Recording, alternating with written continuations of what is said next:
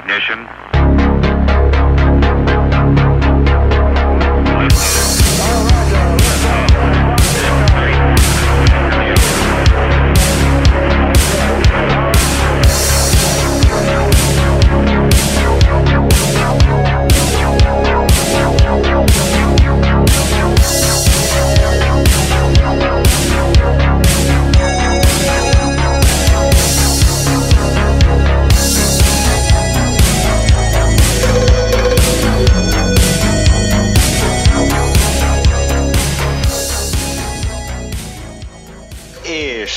Sziasztok, Dudák! Ó, Dudákat nem mondhatok. Jól indul. Az az, igaz, az az igazság, srácok, hogy Dudákat, Dudákat azt most kicsit hanyagoljuk, uh, inkább azt mondjuk, hogy szevasztok gémerek, ez szerintem jó, jobb, Ó, jobban, ne, ne, ne, ne, ne, ne. jobban üti a dolgot, de ha, hölgyek és urak, ladies and gentle fuckers, vagy Ladies and Gentle Fuckers, oké. Okay. Ez itt a bonus stage. Mi a bánat az a bonus stage? Kérdezhetnétek. Hát gyakorlatilag arról van szó, hogy eh, úgy döntöttünk, így néhányan, hogy létrehozunk a Gamer 365 ö, fő podcastereinek egy testvér csatornát. Ez lesz a bonus stage, amelyben gyakorlatilag olyan témákról fogunk beszélgetni, amelyek nem kapcsolódnak énesen a havi Gamer 365-ös podcastjeinkhez, illetve olyan aktualitással rendelkeznek, amelyre úgy gondoljuk, hogy akár gameres vonalon, akár popkulturális vonalon érdemes lehet beszélni.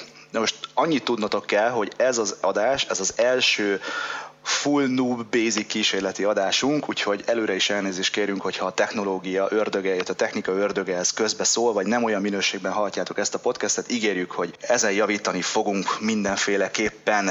Főleg úgy, hogy még koncepciónk sincsen, logónk sincs, semmi nincs, csak egy tematika van, amiről szeretnénk van. beszélni. Van? Na, mesélj Kevin. Logóm? Logóm? Meséljek a logómról? Aha. Na jó, me- menjünk tovább. Jó, oké. Szerintem mindenképpen mutatkozzunk be az elején, hogy kik vagyunk, mik vagyunk és honnan jöttünk. Szóval kezdjétek ti először. Kezdem én, jó? Szóval Jó. uh, akkor Kevin, mutatkozz be, kérlek. Sziasztok, a nevem Kevin.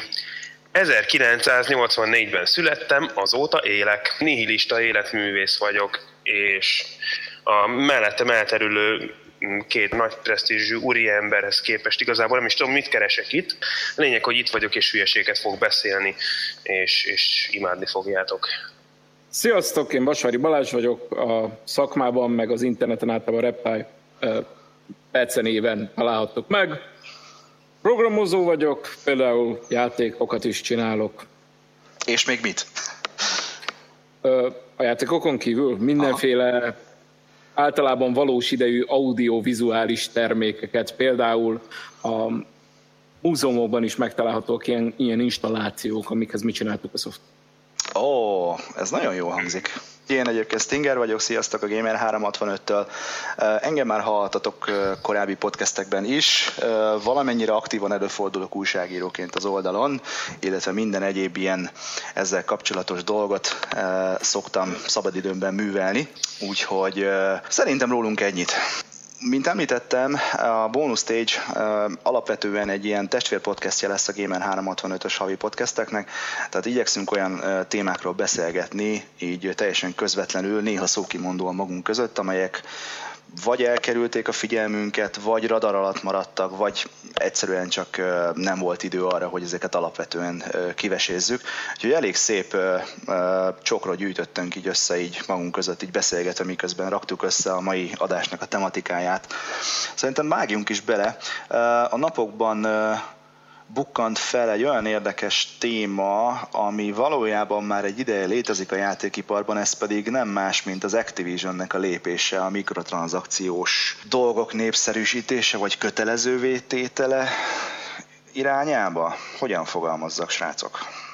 Mit A- gondoltok erről? Erre a mostani hírre gondolsz? A Így van. Igen. a, ami ugye arról szól, hogy az Activisionnek találtak egy szabadalmát, ami arról szól, hogy egy olyan matchmaking, nem is tudom, mondjam, AI-t próbálnak összehozni, vagy hát ez egy, talán egy kicsit túlzás, de hát egy olyan matchmaking algoritmust, ami olyan játék helyzetekbe tudja belerakni a játékost, ahol a legkívánatosabbá tudnak tenni bizonyos tárgyakat neki. Tehát mondjuk például berakják egy olyan helyre, ahol a, egy adott fegyverrel tudna a legjobb lenni. Vagy hogyha vesz egy adott fegyvert mondjuk, akkor berakják egy olyan szituációba, ahol az a leghatékonyabb, és akkor úgy érzi, hogy milyen jó vétel volt, amit csinált. Ennek ugye az, tehát az a lényege, hogy a mikrotranszakciókat minél kívánatosabbá tegyék a játékosnak, anélkül, hogy konkrétan rákényszerítenék a mikrotranszakciókra arra, hogy például azzal, hogy lezárják a, a progresszt előtte. Uh-huh. De jól tudom, igaz, hogy, de javíts kérlek, hogyha nem így van, hogy ezek a szabályrendszerek és feltételek a jelenlegi matchmaking megoldásokban és kódokban is már jelen vannak, hiszen valamilyen szisztéma szerint nem feltétlenül a megvásárolt tartalom alapján, de mondjuk lokáció, tehát földrajzi régió, lokáció, tapasztalati szint, stb. stb. alapján már elvileg vannak olyan játékok, amelyek ezeket a fajta ilyen feltételrendszert használják ahhoz, hogy egy matchmaking, matchmaking-et összerakjanak de ennyire nyilvánvalóan szerintem még soha senki nem mondta ki azt, hogy oké, okay, srácok, innentől fogva ebben az irányba fogjuk elvinni kőkeményen a játékainkat. Oké, hogy ez még nem egy beépített modell, hanem csak egy patent, egy szabadalom, de hát nyilván az ember azért nyújt be szabadalmakat, hogy a későbbiekben majd egyszer használja. És az Activision nem olyan, aki például a DLC-knek az intézményét elvetné, nem? Persze, hát mondjuk nem védeni szeretném a céget, de ezt ők nem bejelentették, hanem ez a szabadalmakat ugye be kell jelenteni, és ezt nekik le kell írni, hogy pontosan mi történik benne.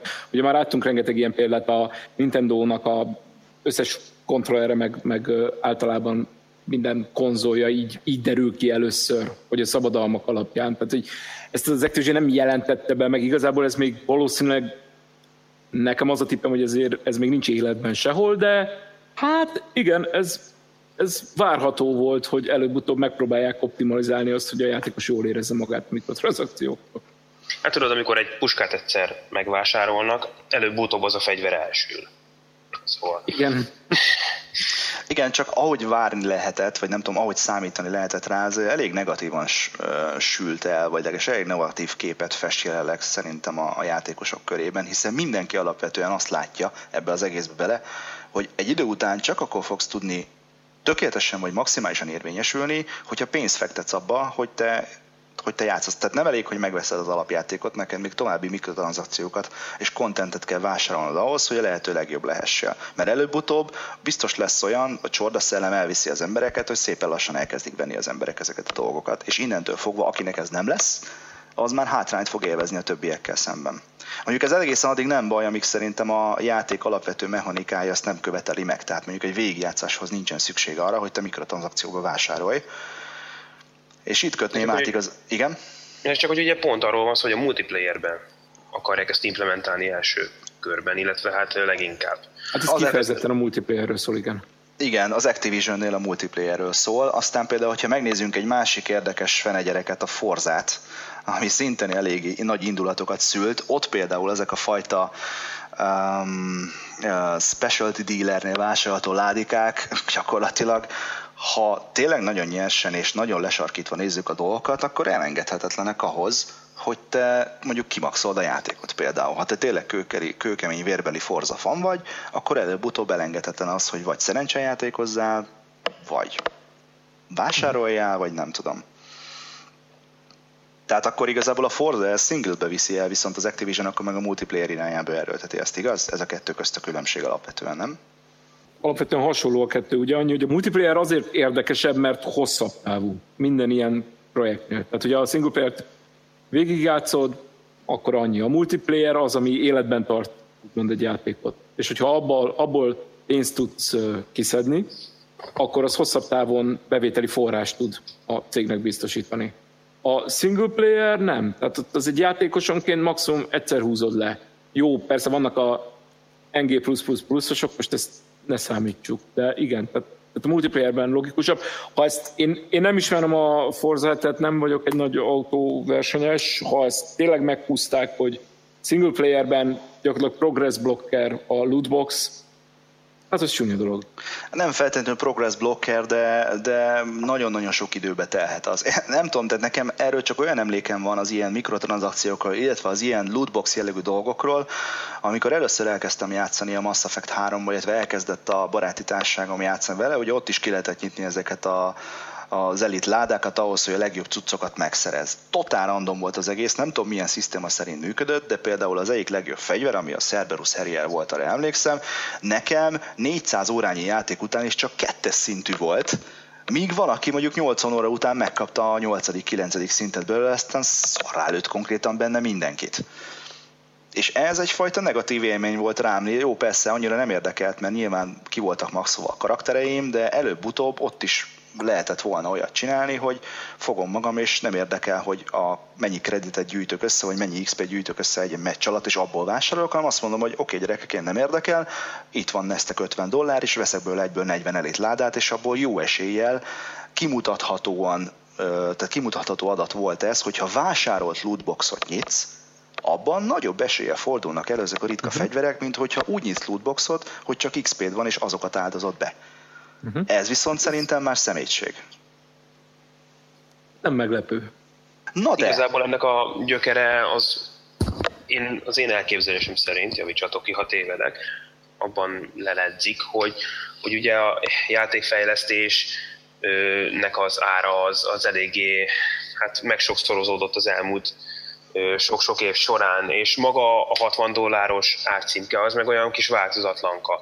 És valahogy, valahogy ennek a, ezeket, ezt a különbözetet, ezt valahonnan, ezt a fedezetet, ezt elő kell teremteni, és ilyenekkel próbálkoznak. Nekem az az egyetlen problémám, hogy ilyenekkel próbálkoznak. Én azt vallanám, hogy, hogy ne szégyeljünk bevállalni a 80 dolláros árcímkét, ne szégyeljünk bevállalni a 100 dolláros árcímkét. Igen, a mai játékok többek, szebbek, valamikor még jobbak is.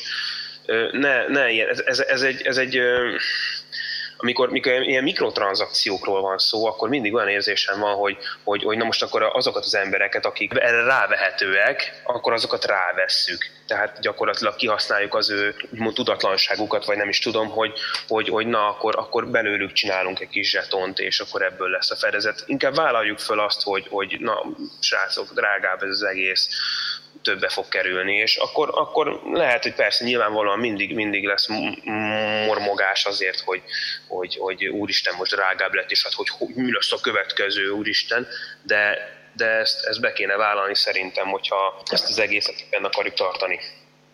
Uh-huh. Érdekes, amit mondasz, egy, egyfelől, másfelől meg, mint hogyha valamelyik fórumozón említette volna, vagy kommentelőnk említette volna, hogy vajon mennyit nyer és mennyit veszít ezzel mondjuk egy Activision például, hogy uh-huh. ezt a fajta modellt erőlteti. Tehát például mennyien fognak elfordulni a játéktól, mekkora lesz az a, az a játékos tömeg, aki elfordul a játéktól előbb-utóbb, vagy elkezdik bolykottálni ezt az egészet, mint azok, akik azt mondják, hogy hát jó, nem érdekel, most oké, okay, 60 dollár, itt van Nestek még 10, és akkor rendben vagyunk. Tehát ez is egyfajta mérleg két oldala, hogy most akkor a végén jól jár-e, vagy nem jár. Gyanítom egyébként jól jár, mert még mindig sokkal kevesebben lesznek azok az igazi kőkemény hardcore fanok, akik azt mondják, hogy azok a, azok a fajta játékosok, akik mondjuk a hagyományos elvek és szisztémák alapján élték meg úgymond a videójátékokat ez idáig, és azt mondják, hogy nem hajlandóak adni több pénzt, inkább akkor legyen egy teljes csomag, és akkor talán még a Season Pass belefér, de az, hogy mikrotranszakciókat szórjak el egy valak pénzt, az már nem. Mint azok az új, azok a mostani játékosok, akik gyakorlatilag csak néhány éve játszanak, és nekik teljesen elfogadott az, hogy így nem tudom, tehát ez a, ez a Twitch néző korszaka, akik ugye donálják a lóvét mindig mindenhova. Hát tehát meg nézed... ugye, ne, ugye ne felejtsd el a mobil vonalat, ugye ez gyakorlatilag onnan jön ez a modell, hiszen a, ugye a mobiljátékok voltak azok, amik ilyen, ilyen nagyon, eleve nagyon-nagyon olcsón indultak, de már azt se akarta igazából senki se úgymond kifizetni. Ezért nekik kellett keresni egy olyan bevételi forrást, ami, ami egyrészt hát ugye fenntarthatóvá teszi magát a fejlesztés, másrészt meg a, meg a céget hosszabb távon is mondjuk fenntartja. És ugye ez lett ez a mikrotranszakciós modell, ami onnan jött, és ezt látjuk most begyűrűzni a, a multiplayer játékokba, konzolokon, meg PC-n, tehát nagy gépeken is, hiszen igazából hasonló a probléma. Egyszerűen pön, pön kell tartani. Tudom, hogy most sokan azt fogják mondani, hogy, hogy amúgy is drágák a játékok, meg, meg nem tudom, vannak ilyen elképzelések, hogy ott pénzben úszkálnak amúgy is az ilyen fejlesztők, és hogy lusta disznók meg kivágják a nem tudom is, hogy védem a mundér becsületét, de azért alapvetően, alapvetően, ahogy Kevin is mondta, hogy nagyon drágák a játékok, mármint legyártani már az alapvető tartalmat is nagyon drága, és mondjuk egy komoly multiplayer játéknál folyamatosan gyártani kell ugye hozzá a tartalmat. De és akkor innentől jön az, hogy, hogy, hogy melyik cég ezt hogy, hogy képzeli el. Tehát mondjuk a World of Warcraft-nél ott ugye havi előfizetés van. Ugye? Jól tudom. Így van. Most akar. Így van. A, illetve voltak ezek a nagyobb kiegészítők, amik, és ezt, ezt most kérdezem tőle, Stingy, hogy ott, ott még ott kiegészítőnként még pluszba is fizetni kellett valamit, vagy, vagy csak akkor, hogyha akkor léptél be? Nem, tehát uh, nyilván, ha kiegészítőtte megvásároltad, a kiegészítőnek is volt egy ára, meg uh-huh. kellett hozzá ugye a havi előfizetésed uh-huh. is. Igen, hát ezt valószínűleg azért csinálják, mert ugye a, a magát a kontentet legyártani valamennyi, és még utána fenntartani az egész hálózatot, meg stb. stb. Ennek rengeteg uh, ilyen hátsó, tehát ilyen, ilyen back office munka van ezzel, az is pénzbe kerül. Nyilván nem fog senki ilyen halni a, a Blizzardnál, tehát most nehogy azt higgyétek, hogy én nagyon sajnálom őket ilyen szempontból, de, de igen, tehát, tehát valaho, valahonnan egy bevételi forrás próbálnak keresni fejlesztők, illetve kiadók, fejlesztők, hogy fenntarthatóvá tegyék ezt az egészet. És, és ö, én egyébként alapvetően én, én szívem szerint tökre egyetértenék azzal, amit Kevin mondott, hogy akkor valaki vállalja be, hogy legyen mondjuk 80 vagy 100 dollár egy, egy, egy igen komoly, a, nagy játék, és akkor többet ne kelljen fizetni. A gond az, hogy oké, okay, ki fogja ezt bevállalni? Hát igen. Egyre inkább árérzékenyé válik ez a piac, minél nagyobb a túlkínálat. Ez is, ez is egyfajta árérzékenységet von maga után, hiszen alapos jobban megválogatjuk, hogy mivel játszunk, mert olyan túlkínálat van, hogy egyszerűen képtelenség mindennel játszani. Viszont amit meg ugye kiválasztunk, azt meg szeretnénk maximálisan kielvezni. Viszont ugye ez a, ez a játékos oldal. Hát a fejlesztő oldalról meg hát nyilván ott is érvényesülni kell, minél több játékot el kell adni, aztán utána meg kontentet gyártani, ami viszont nem olcsó. Tehát ez egy elég érdekes szituáció. Igen. Reptinek az előző felvetése, hogy a Blizzard nem hal éhen, ellenben a Visceral, hát ők ők meg ugye, ők meg de. És ez, ez a következő témánk, ugye, így a hírek mustrálgatását követően, hogy ugye volt egy, volt egy ilyen stúdiónk nekünk, illetve nem nekünk, hanem a legkedvencebb kiadónknak, az Electronic Arts-nak volt egy ilyen stúdiója. Történetesen éhen haltak, hát így, így idézőjelbe. Hát ha éhen talán nem haltak, de az biztos, hogy a, a Viszkerának jelentős része már máshol dolgozik szerintem, vagy esetleg éppen munkát keres, mert uh, úgy döntött az IE, hogy bezárja ezt a stúdiót, arra hivatkozva, hogy uh, az általuk fejlesztett uh, Star Wars játék, ha jól emlékszem, igaz? A, az a Star Wars játék, amit már ugye többször újra terveztek, kísért a 13-13-nak a szelleme szerintem ezzel kapcsolatosan, tehát többször újra terveztek, még mindig a rajongói, illetve a felhasználói visszajelzések alapján nem az a fajta élmény, amit ők akartak nyújtani, illetve létre akartak hozni, ezért visszavágták az egészet a tervezőasztalra, sőt, nem is a tervezőasztalra, én úgy tudom, hogy kaszálták ezt az egészet, és átadták valamelyik másik csapatnak, igaz? Majd, hogy nem nulláról indul a dolog újra, ha jól Hogy is volt ez pontosan?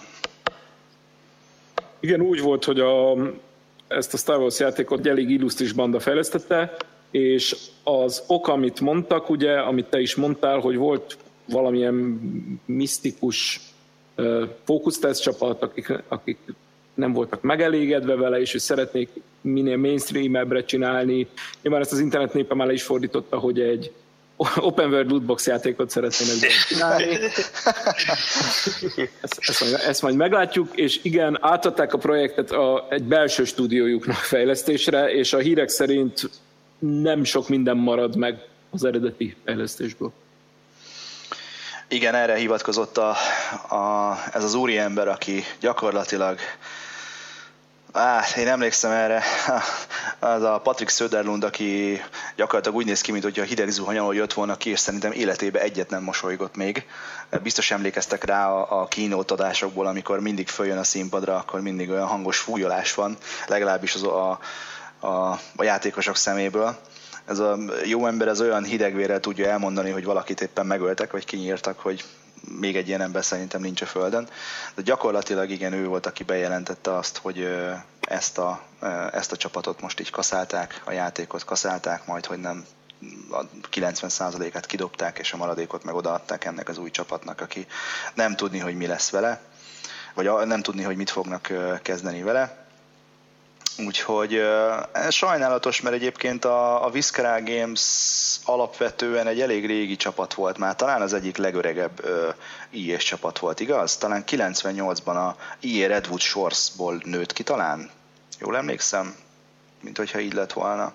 És 2009-ben volt ugye a, a névváltás, amikor megjelent az ominózus Dead Space, ami szerintem minden idők egyik legjobb survival horror játéka volt annak idején. Főleg azért, mert olyan olyan, olyan újító volt, olyan, olyan tényleg képes volt átvinni a borzongást, meg, a, meg a, ezt, a, ezt a Hitchcock ijeszgetést, meg minden egyéb, egyebet a, a képernyőre. Egyrészt gyönyörű volt, látványtechnikailag is nagyszerű volt, a hanghatások, a fény, bevilágítások, azok tényleg olyanok voltak, hogy azt mondod, hogy akkoriban egyszerűen nem volt jobb ijeszgetős, rémizgetős játék szerintem, ami keverte a science fiction-t a misztikummal.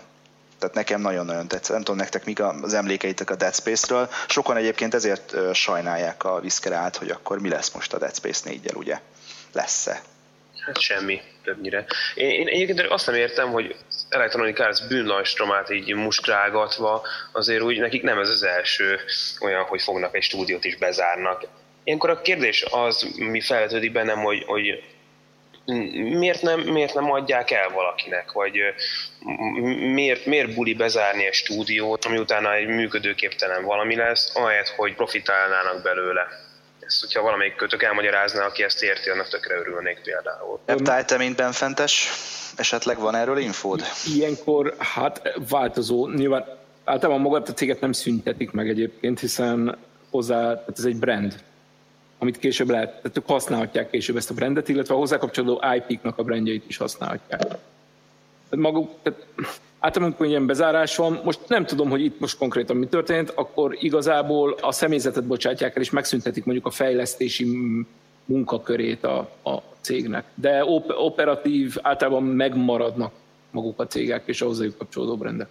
Igen, és itt is általában, és ugye az Electronic Arts-nál ez azért bevett szokás, hiszen amikor a legutóbbi alkalommal ugye az Andromeda, Mass Effect Androménának a stábját eresztették szélnek, ugye ott is az volt, hogy egy operatív csapat az ugye megmaradt, és a maradék emberek, tehát a, a, az ottani kollégák jelentős része viszont átszervezés alá került, ami azt jelenti, hogy a többi belső stúdióba szépen így átszivárogtak, vagy más projektre átvezényelték őket. Tehát valójában ugye az a stúdió, mint stúdió, úgy különálló standalone stúdió megszűnt létezni, viszont az IP, illetve az egyéb ehhez kapcsolódó dolgok, azok megmaradtak. Szerintem itt is ez lesz, csak ugye itt az a baj, hogy ez egy dedikált csapat volt a Dead Space-re vonatkozóan. Mondjuk. Hát csináltak azért ők mást is, mondjuk. Mást is csináltak, igen. Battlefield epizódot.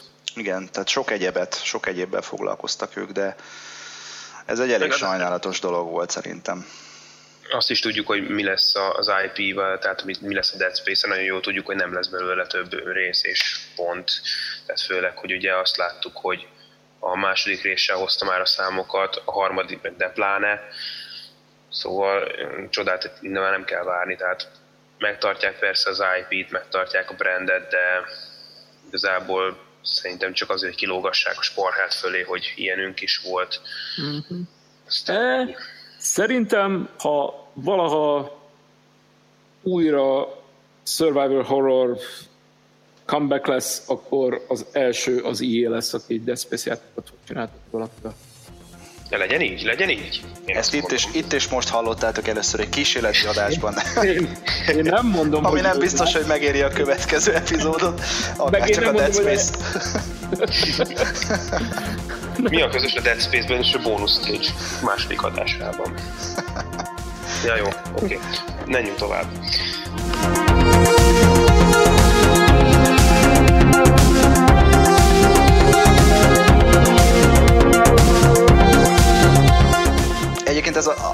Alapvetően a, a Viszkerá bezárását a földet rárogatunk részeként szántuk, ahol van egy nagyon-nagyon szép uh, holtest mellette még a, a Viszkerának a sírköve mellett, ez pedig a Nintendo Wii U konzol, amiből ugye uh, el kerülhetetlenül elkövetkezik, vagy elkövetkezett már. Mondhatni igazából így is, hiszen ha jól, emlékez, jól emlékszem, akkor talán már egy vagy maximum kettő játék fog megjelenni arra a gépre. Jó gondolom? Igen, valami Metroid-szerű mm, Metroidvania. Amit... De igazából csodát már nem kell ott se várni. Ott Zelda volt az utolsó, ott az volt a hattyudal, és ennyi. És szerencsére úgy néz ki, hogy a switch egy egész jó cserét csináltak. Ellenben és sajnálom a Wii U-t, mert szerintem egy nagyon kedves kis gép. Én sok-sok órát eltöltöttem vele, nagyon nézem éppen a polcot, hogy sorakoznak a játékok, és hát igen, még egy backlogom is van belőle, tök hihetetlen sokak számára. Ennek az apropója, hogy elővettük ezt a Wii dolgot, hogy tehát Vigadóba már rágják a fülemet, meg terveztem én is, hogy, hogy volt régen egy ilyen kis top listám, egy ilyen közösségi lista a Wii-ről, hogy, hogy mik voltak azok, amik érdemes elővenni, játszani vele, és ugye a közösség mondta meg, hogy merre mennyi, és egy ugyanilyet a Wii is egy nyilván egy jóval rövidebb listát, de ez egy, ez egy aktuális dolog, és ez hamarosan, hamarosan ez be fog következni, de addig is, addig is mi beszélgetni fogunk egy nagyon picit arról, hogy kinek mi volt a legkedvesebb Wii élménye. Stingy mondjuk, mit gondolsz? Neked mi volt az a Metroidon kívül, ami nem jött meg soha?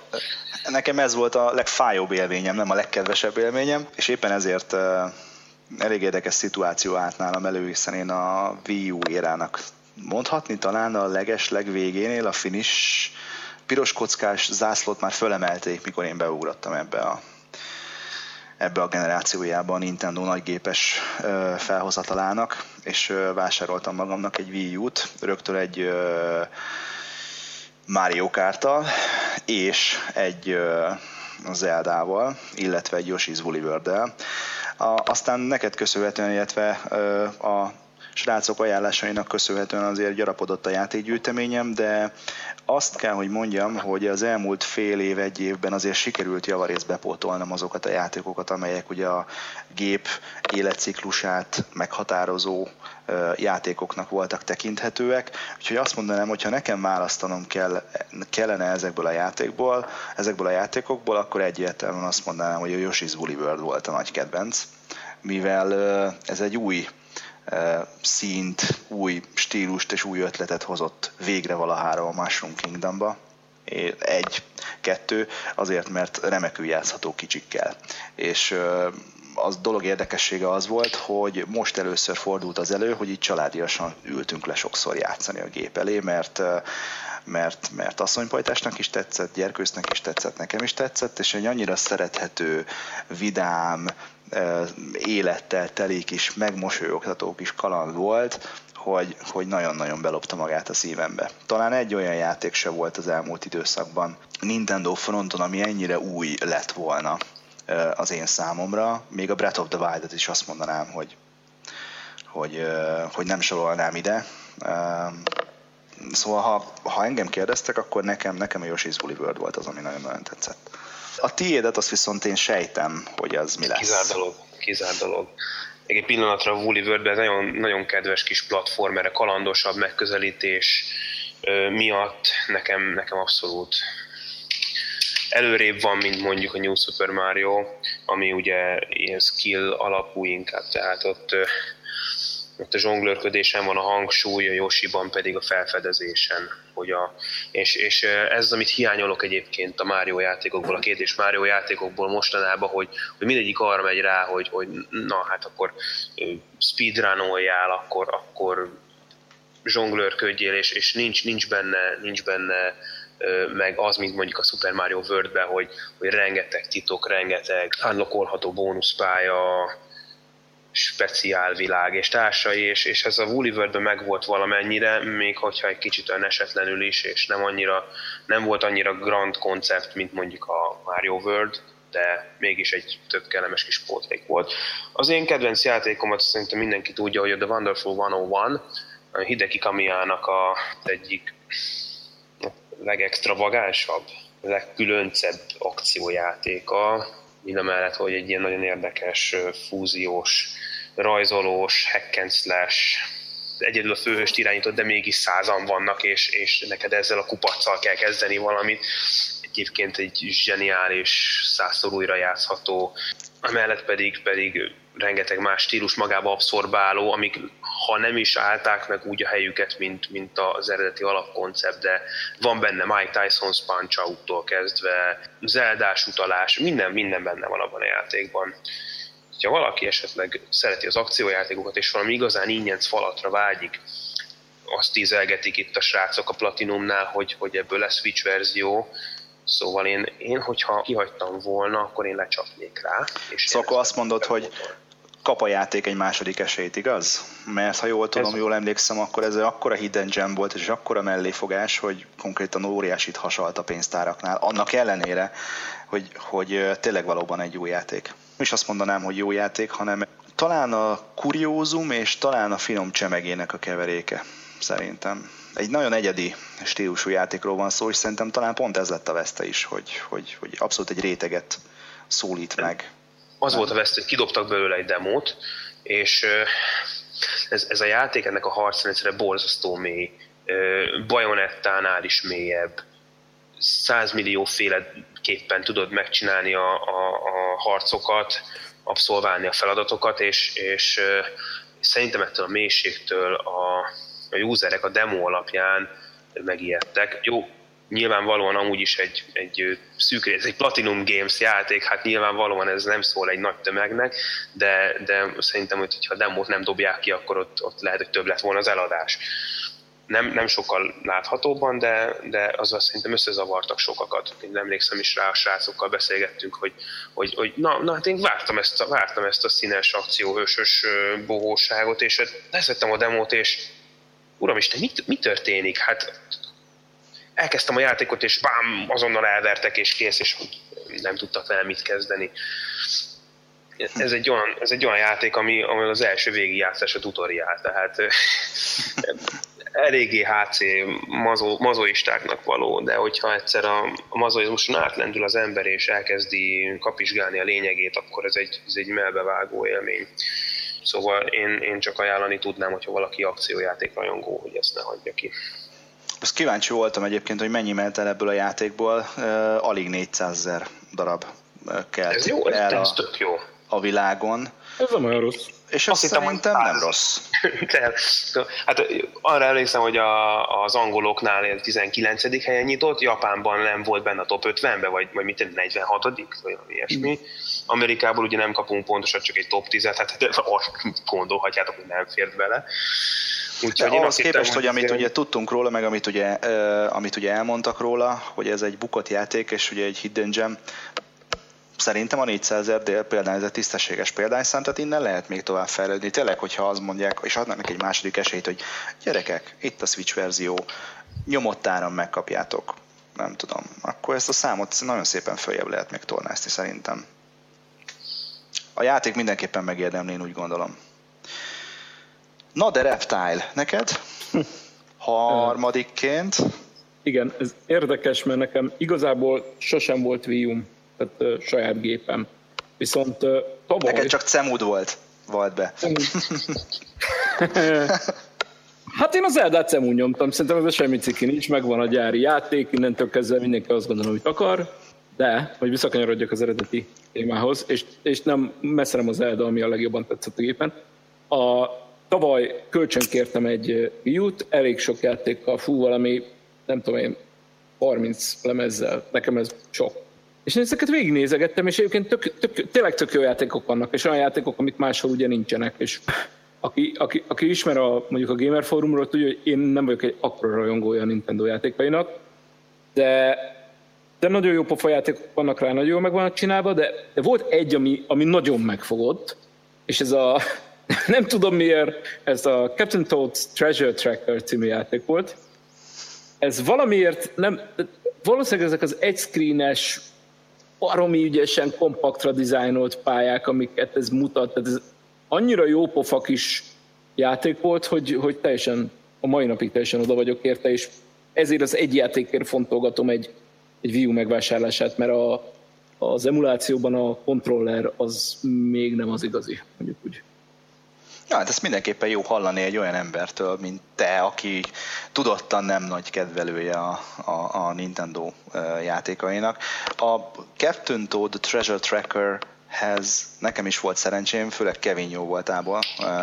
A te kölcsönjátékoddal próbáltuk ki ezt a masinát először egyébként, amikor akkor nem is volt saját gépem, talán valakitől kölcsön kaptam egy gépet, és tényleg elég, eléggé magába szippantó kis cucc, és tényleg az az, az egyik előnye, a, a, amit te is mondtál, hogy egy-egy pálya van, jól megkonstruált, jól megkomponált, jó szivatós, mhm. nehéz szakaszokkal megtűzdelt dolog, de hát ugye az a jó benne, hogy össze-vissza forgathatod a kamerát, és nincsenek benne ilyen kamerabágok, legalábbis nem találkoztam olyan, például a Lego Ninja Go-ból, hogy egyszerűen lehetetlen forgatni a kamerát, hogy beakad, beragad. Tehát ha valamit el lehet mondani szerintem a Nintendo játékokra, akkor az az, hogy ezek a játékaik, nem is ezek, hanem mindegyik játékuk azért nagyon-nagyon sok energiát nyomnak bele abba, hogy jól játszhatóak legyenek. Tehát ne legyen olyan érzése az embernek, hogy oké, okay, itt lehet kezelni a kamerát, de, de rossz, meg frusztráló, meg nehéz, meg lassú, hanem tényleg úgy van megcsinálva az a játék, hogy oké, okay, ebben a játékban forgatni kell a kamerát.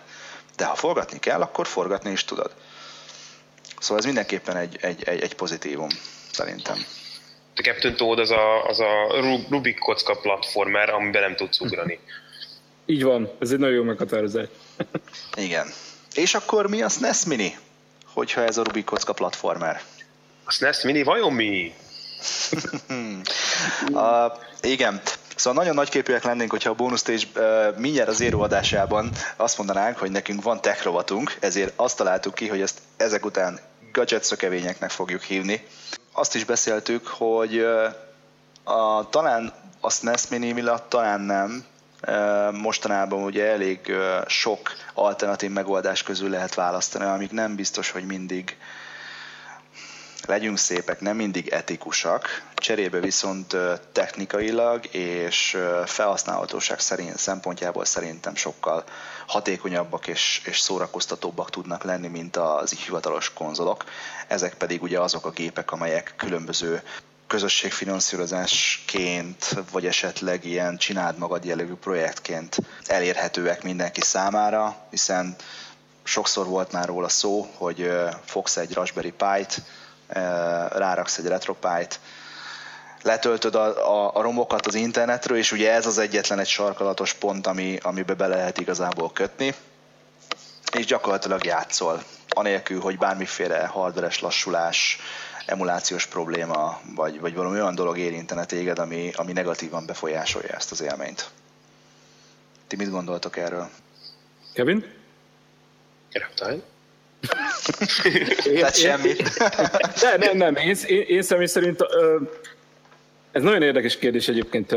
Én kett, ha már a, a snes kapcsolatban került ez az egész szóba, én kettő bontanám a különböző gépeket, ugyanis valójában kétfajta Hát kétfajta csoportról beszélünk. Az egyik a, a illetve három. Vannak klóngépek, amik hardveresen majdnem ugyanaz, mint a Super Nintendo, olvassák is az eredeti kazettákat, gyakorlatilag klóngépek, ezt már lehetett annak idején is, tehát a 90-es években kap.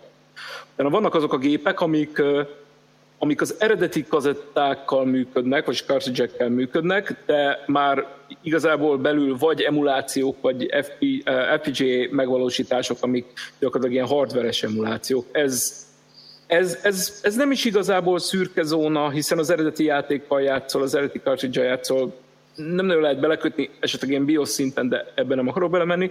Illetve van a harmadik variáció, a, a teljes emulátorboxok. Tehát például, amit te is említettél, ez a csináld magad Raspberry Pi. Vesz egy Raspberry Pi-t, ráraksz egy RetroPie-t, kész van, letöltöd a romokat, játszol.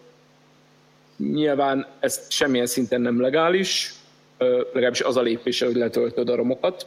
Amúgy maguk az emulátorok teljesen legálisak. És egyébként sajnos a Raspberry Pi-nál még az sem teljesen igaz, hogy mindenfajta kompatibilitási hiba nélkül, meg, meg lassulások nélkül, mert mondjuk egy Super Nintendo emulátor már változóan, de vannak olyan játékok, amik már nem 100%-os sebességgel futnak egy mostani Raspberry Pi-on.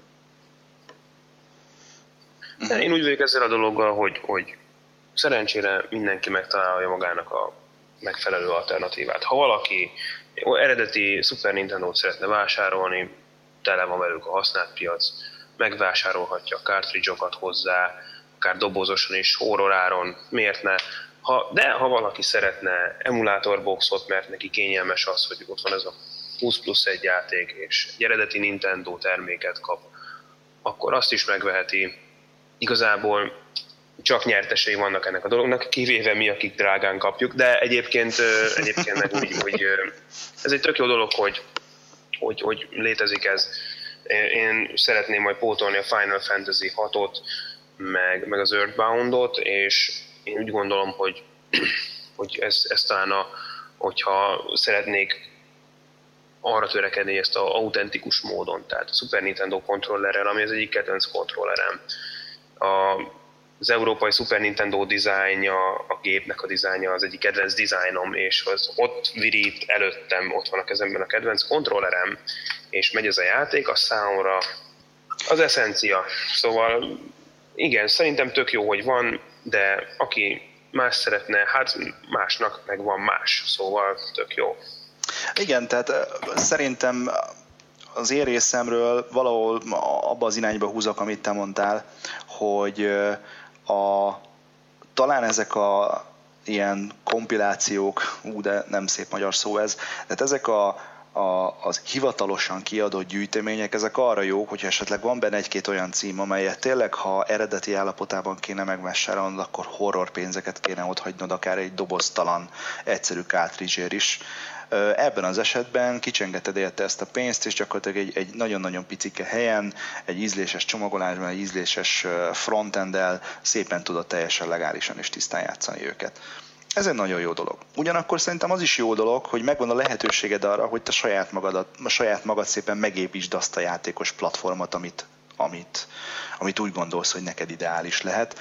Én egyébként ezeket az ilyen retropie és társai jellegű do-it-yourself projekteket azért tartom jó dolognak, mert olyan játékokkal is lehet játszani ezekkel a gépekkel, amelyek nem feltétlen a konzolos érából származnak, hanem az arcade érából, és hát ugye mindenki, ha egy kicsit magában néz, nem fogsz te azért 6500 dollárt kiadni, hogy egy eredeti Pac-Man játékautomatát például megvegyél, vagy, vagy a világ túlsó feléből elhozd, nem beszélve arról, hogy ezeknek a régi játékoknak 80-as, 90-es évekből is már nagyon sok olyan játék van, amelyeknek lejártak ezek a licenszei, mert például jogutód nélkül megszűnt a cég, vagy nem tudom.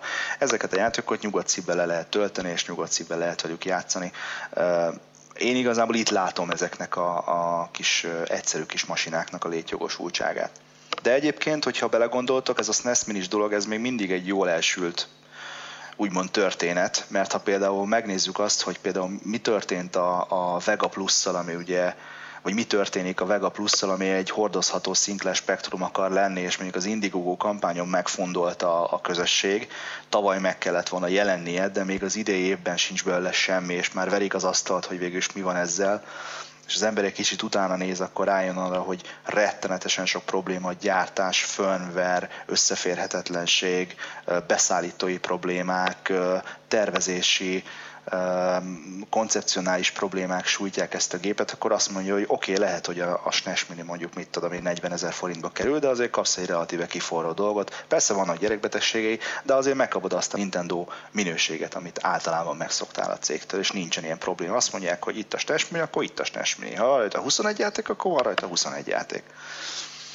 Hát igen, a szervezett, jól bejáratott cég motor versus egy Indigo kampány, tehát különbség itt is fellelhető a közösségi Aztán... finanszírozás és egy, egy egy legálisan működő évek óta rengeteg tapasztalattal bíró cégnél. Igen, aztán egyébként van, vannak egész érdekes válfolyok is, nem tudom, hallottatok erről a Retro, Retroblox nevezetű dologról, amiről a Kotaku is hozott egy nagyon érdekes cikket. Gyakorlatilag ez egy ilyen virtuális all-in-one konzol.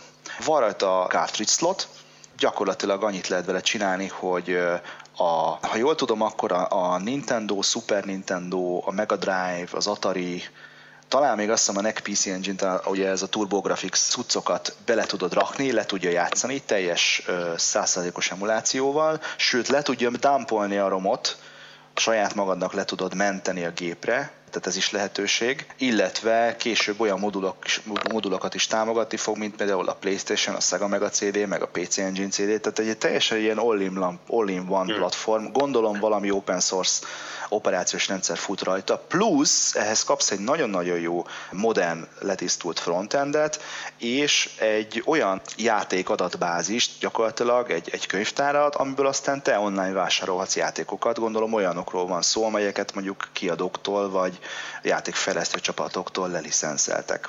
Tehát félig meddig egy ilyen ója, félig meddig egy ilyen Retron 5, tehát egy ilyen összvérkonzol, de ez egy elég érdekes koncepció egyébként az, hogy például a romokat direkt bele tudod másolni a saját cartridge ezáltal egyszerűsíteni és könnyíteni a dolgokat, vagy éppen az, hogy mondjuk egy Twitch box is az egész, tehát hogyha akarod, akkor a, a, az eredeti cartridge tudsz játszani egy third party konzolon, amit aztán Full HD-ban például Twitch-re ki tudsz streamelni.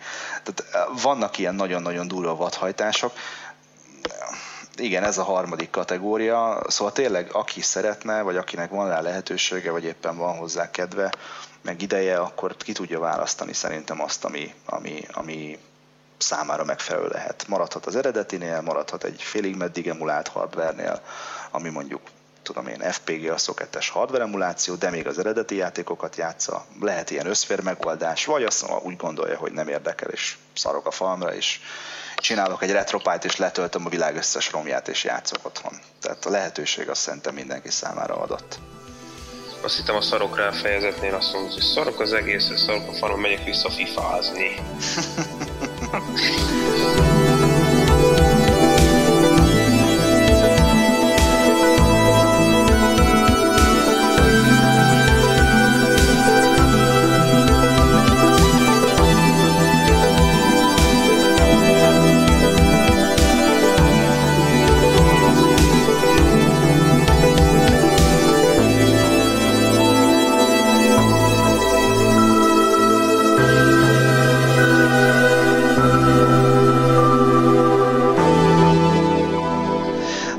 fifázni nem, de mit szólnátok egy időgéphez?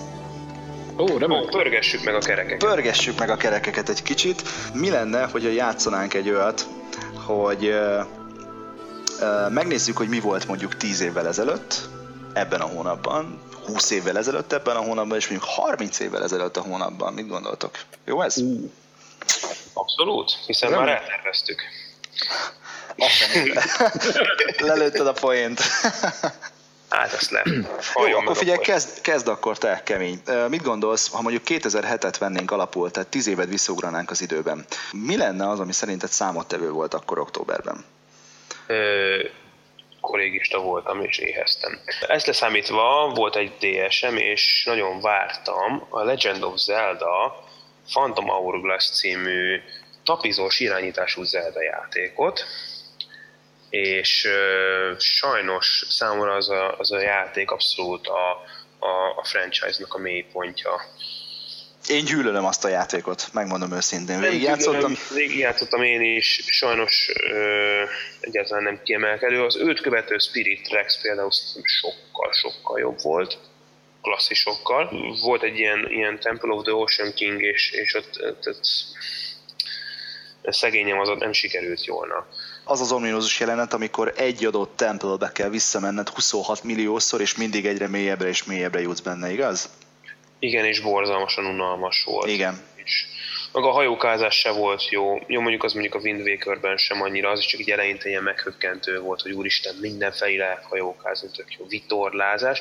Phantom Hourglass-ben nem emlékszem arra, hogy ott az a gőzhajózás, az úgy bármennyire is az időhúzás volt. Mindegy is, nem is annyira emlékszem, csak hirtelen ugye ezt láttam meg, ami, ami a október első hetében jelent meg 2007-ben, és most ugrunk egy icipicit nagyobb bacskát, méghozzá 97.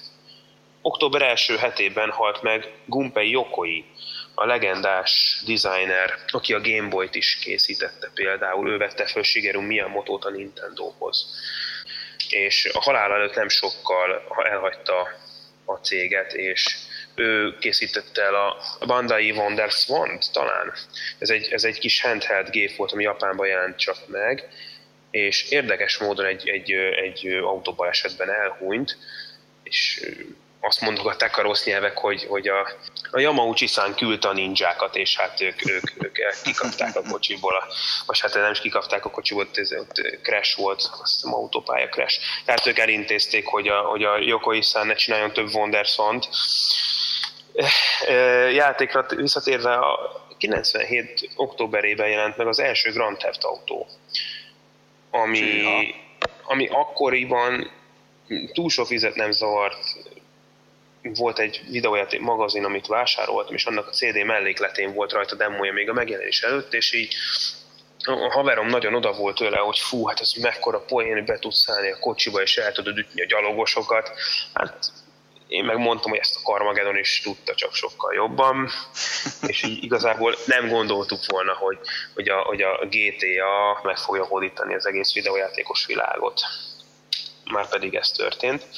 És ha most egy még sokkal nagyobbat ugrunk vissza, ez az időgép Ultra, 1987-ben jelent meg a Maniac Mansion, amiről hatalmas szépen... tapsot ennek a játéknak. Hú, emlékszem rá, mennyit toltuk ezt annak idején, C64-en talán, nem is tudom.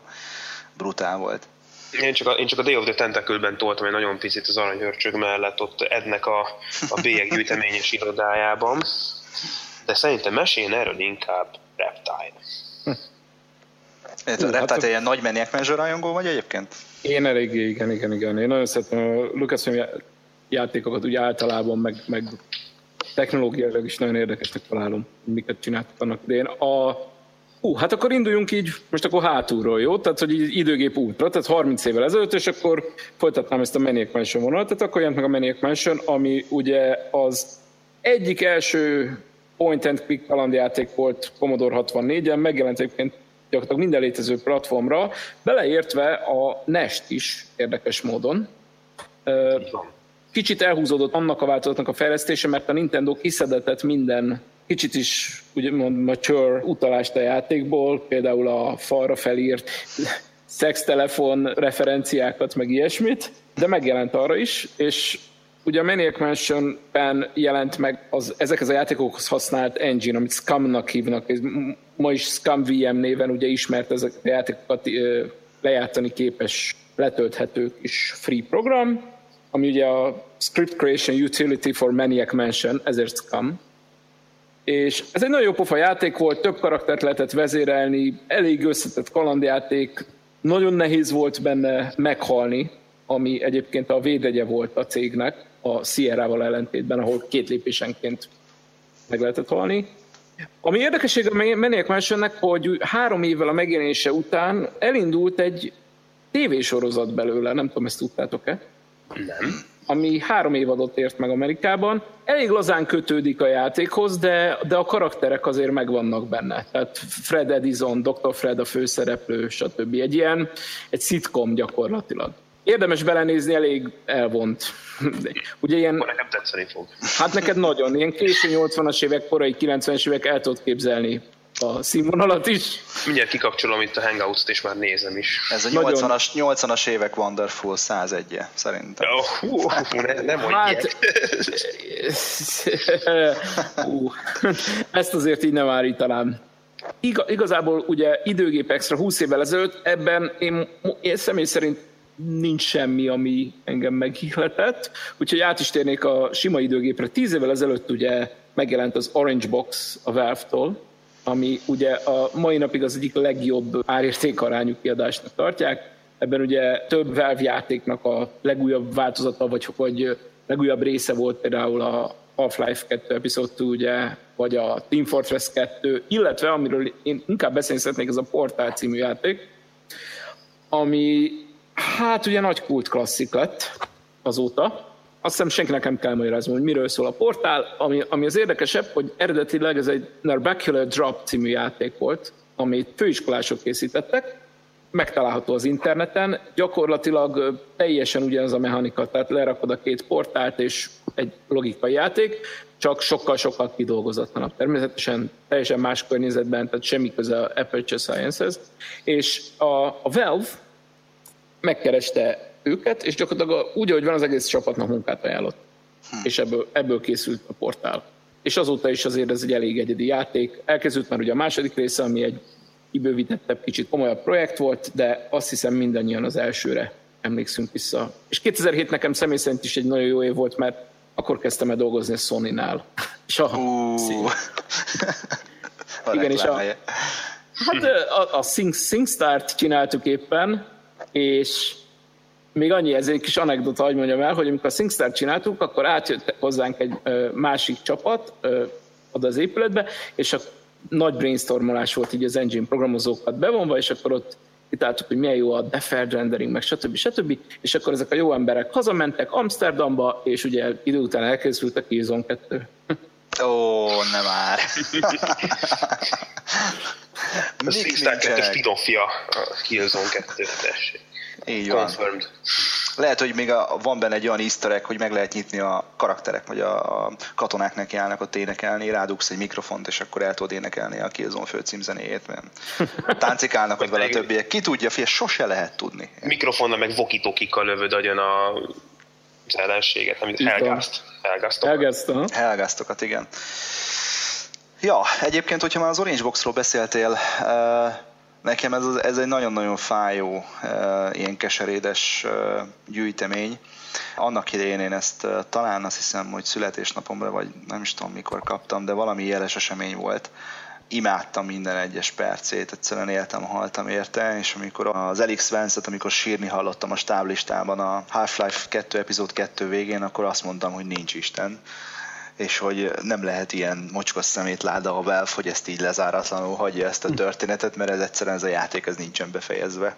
És ez úgy van, úgy van hagyva, hogy nagyon-nagyon kevés olyan popkulturális remekmű, akár film, akár, akár sorozat, akár játék van ilyen szinten mocskos szemét módon félbehagyva, és hogy a kérdéseket ott, ott, ott hagyja előtted. És akkor ugye azt beszéltük annak idején, hogy hú, basszus, egy évet kell várni most, hogy a következő megjelenjen, vagy nem tudom hány hónap ez volt 2007-ben, 2017. október 18-án 23 óra 44 perckor, amikor éppen ezt a podcastet próbáljuk rögzíteni, még mindig nincsen lezárva ez a történet olyan szinten van esetleg némi fogalmunk róla, hogy hogy végződhetett volna ez a történet, hogy ugye nem is olyan régében, néhány hónappal ezelőtt leosztuk mi is ezt a hírt a Gameren, hogy az egyik egykori Valve-es Half-Life-on dolgozó történetíró oroszlán részt vállalta a történeti szál kibontásában, ami ugye az epizód 3-ban teljesedett volna ki, és zárták volna le ezt a történetet, és az alapján, ami akkor rendelkezésre állt információ, ez gyakorlatilag egy ilyen, hát majd hogy nem kész script volt, ő írt egy regényt, illetve egy történetet, amiben a neveket nyilván megváltoztatta a jogi procedúrákra hivatkozva, hogy nehogy bepereljék, vagy nem tudom, és ez a, megjelent ez a, ez a történet. Ha érdekel benneteket, most nem fogom lelőni a poént, de akkor nagyon szívesen megosztjuk link formájában majd a komment szekciónkban. Mindenképpen érdemes elolvasni, ez talán egy picit gyógyít jelentett arra, hogy milyen lett volna a Half-Life 3. Valószínűleg egyébként szerintem más ez a játék soha büdös életben nem fog elkészülni. Sok oka van ennek, nem akarom firtatni, inkább ugrok egyet én is az időben. Vagy inkább talán még maradnék is itt tíz évvel korábban. Két címem is van erre a 2007. októberére, ami nekem kifejezetten kedves. Az egyik a, és ez, ezek is olyan játékok, amelyek igazából rohadt nagy bukás volt.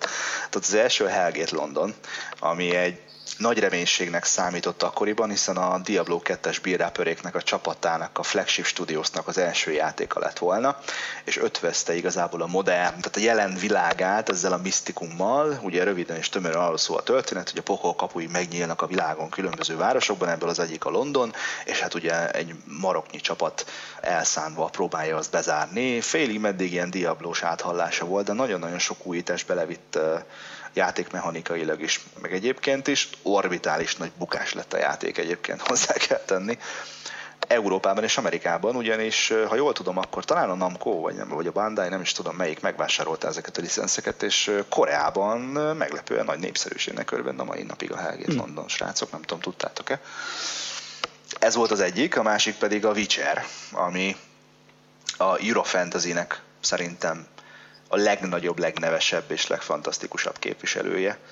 Nem a high fantasy, a Euro fantasy irányban tíz évvel ezelőtt jelent meg a CD Projektnek ez a játéka, ami egyébként a mai szemmel kicsit már nehezen emészthető, nehézkes irányítású, de még mindig egy nagyon élvezetes játék. És egyébként most van ugye a 10 éves évforduló, és ennek örömére például a Good Old Games elég durva akciókat szervez, tehát ha megnézitek, elég jó áron lehet bezsebelni az összes Witcher játékból a Game of the Year kiadást, az összes DLC-t és minden egyebet, szóval hogyha, ha még nincs meg valamilyen formában, akkor most ez egy jó alkalom arra, hogy ezt a fantasztikus boszorkász kalandot ezt pótoljátok.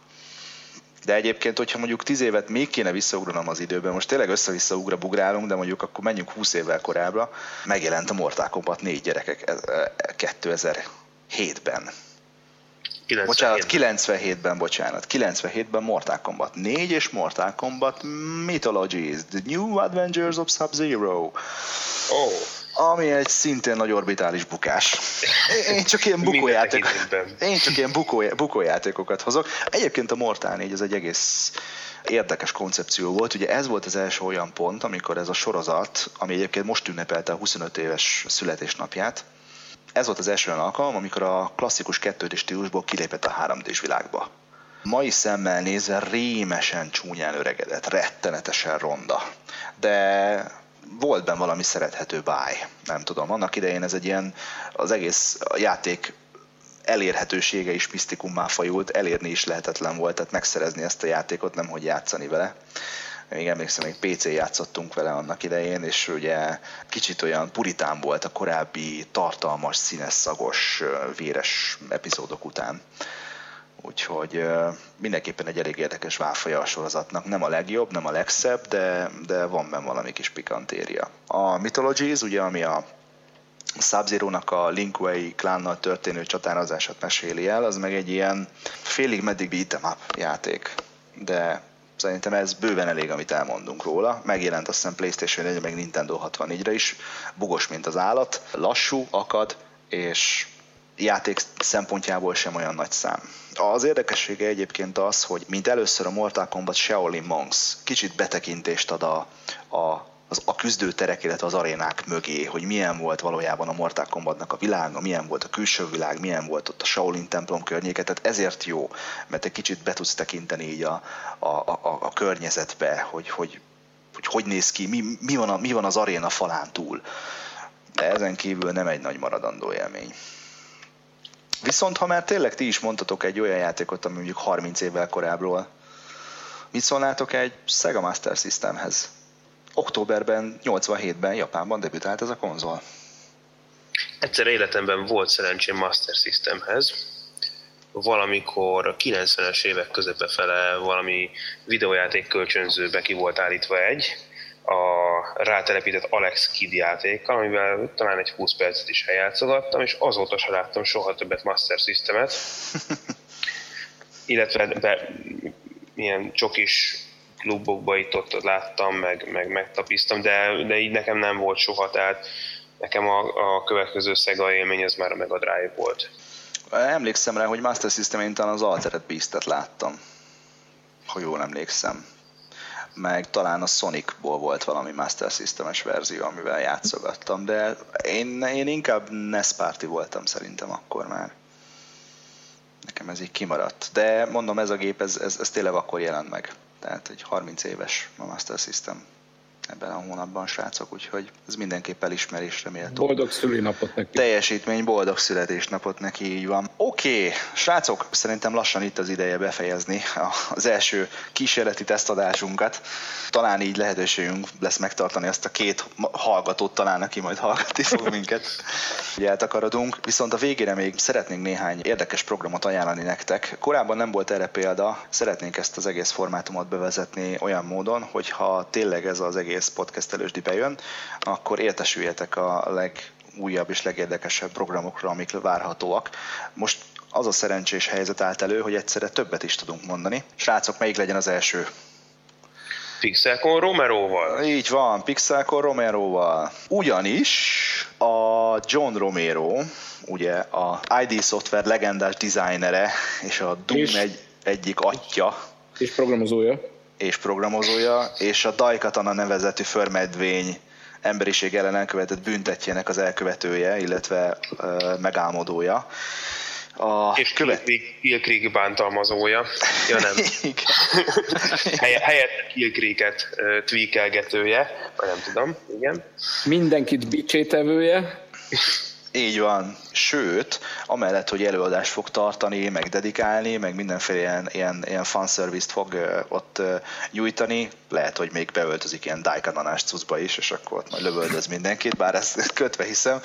Deathmatch-et lehet ellene például játszani, meg beszélgetni lehet vele, stb. stb. Tehát tényleg ő egy, egy elég ikonikus alakja a videójáték fejlesztésnek, ő itt lesz. És ezért is érdemes elmenni egyébként a Pixelconon, meg azért is, mert ugye a klasszikus Pixelcon vursli várható most is, cosplayesekkel, meg, meg arcade részleggel, meg gamer közösségek standjaival, versenyekkel, illetve lesz most is Chiptune buli este 9-től, a Quickstatic is fel fog lépni, aki a hazai szintfő egyik legprominensebb arca, úgyhogy aki szereti az ilyen zenéket, neki mindenképp ott lesz a helye.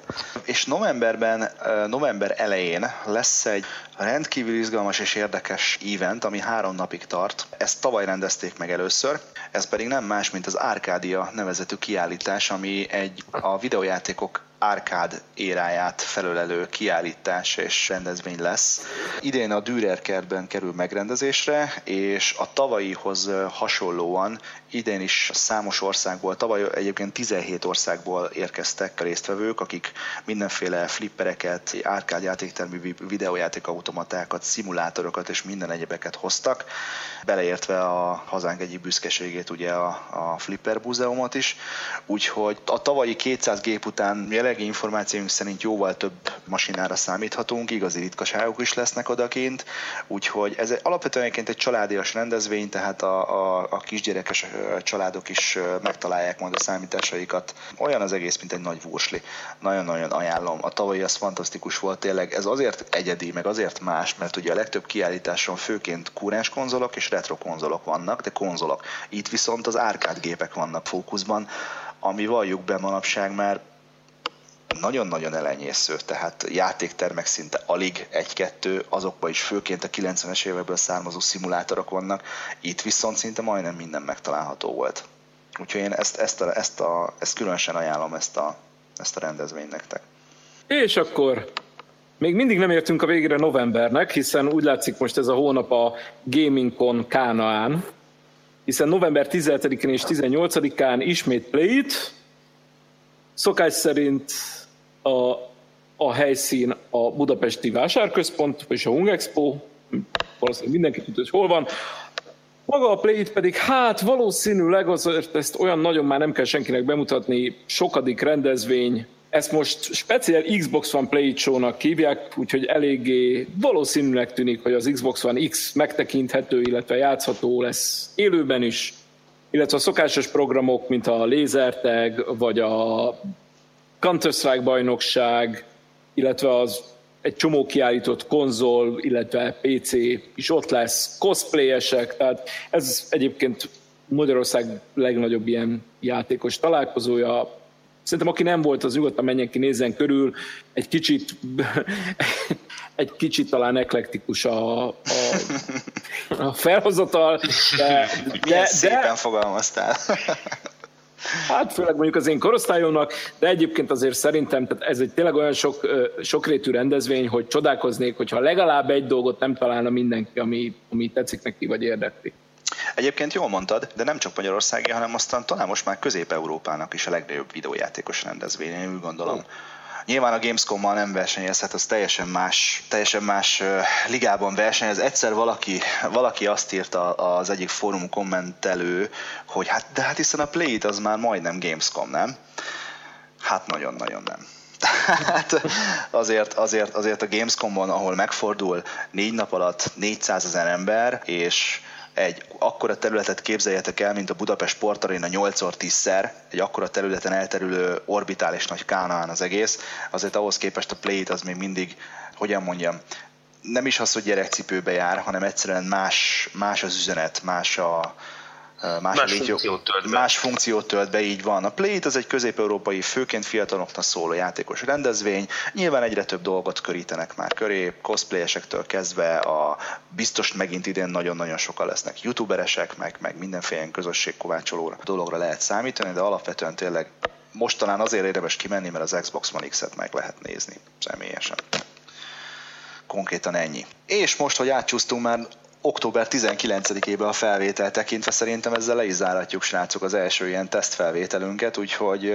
És nem volt hónapjátéka.